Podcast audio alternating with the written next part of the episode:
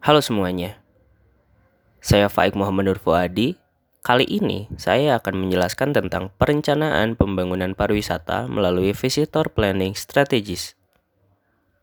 Sebelum masuk ke visitor planning strategis, saya akan menjelaskan sedikit tentang apa itu planning, apa itu manajemen. Planning atau perencanaan adalah kegiatan yang mengambil keputusan untuk mencapai tujuan tertentu yang ingin dicapai baik individu, kelompok, ataupun yang lainnya.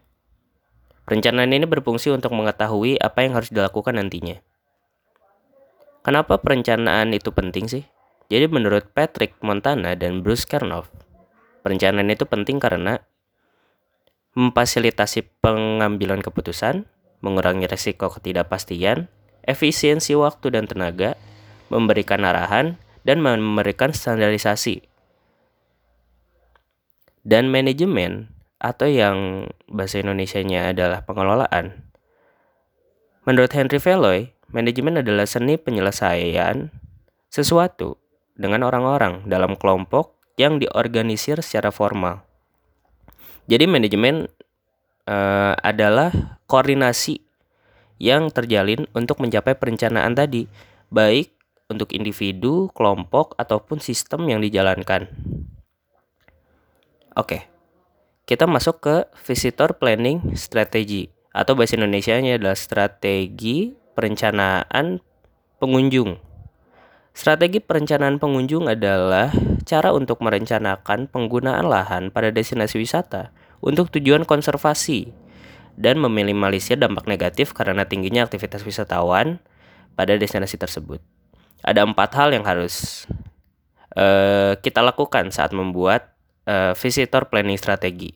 Antara lain adalah zoning, yang kedua adalah carrying capacity, ya terus uh, eh, LAC atau limit of acceptable change dan yang keempat adalah ROS atau Rec recreation opportunity spectrum. Oke, kita akan bahas satu-satu. Yang pertama adalah zoning atau zonasi. Menurut Holden, Zonasi adalah strategi pengelolaan lahan yang dapat diterapkan pada skala spasial yang berbeda, misalnya dalam kawasan lindung dan skala skala lokal nasional.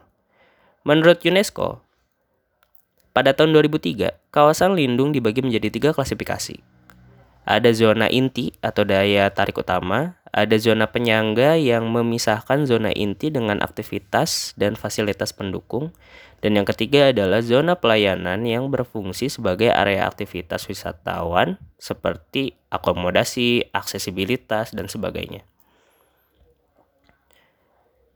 Terus ada carrying capacity atau daya dukung. Menurut Matheson dan Wall, daya dukung adalah maksimum orang yang dapat menggunakan situs tanpa perubahan yang tidak dapat diterima dan lingkungan fisik yang tanpa penurunan kualitas pengalaman yang didapat. Ada empat tipe daya dukung.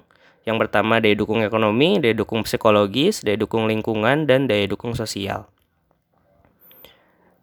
Uh, yang berikutnya adalah LAC, Limit of Acceptable Change, atau batas perubahan yang dapat diterima.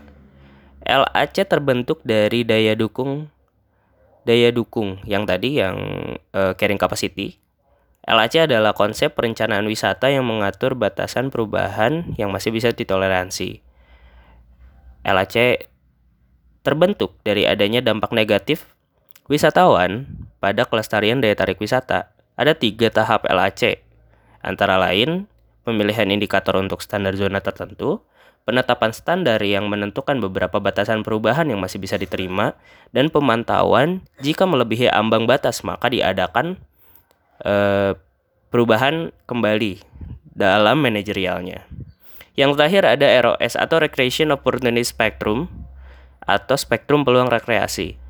ROS adalah konsep tentang pemilihan aktivitas wisatawan yang memiliki kesempatan dalam melakukan rekreasi. Aktivitas yang beragam ini mengasumsikan bahwa dalam memberikan banyak aktivitas pada wisatawan akan mengurangi dampak negatif bagi destinasi tersebut.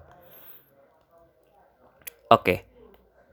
Terima kasih itu dari saya, eh, Faik Muhammad Terima kasih banyak.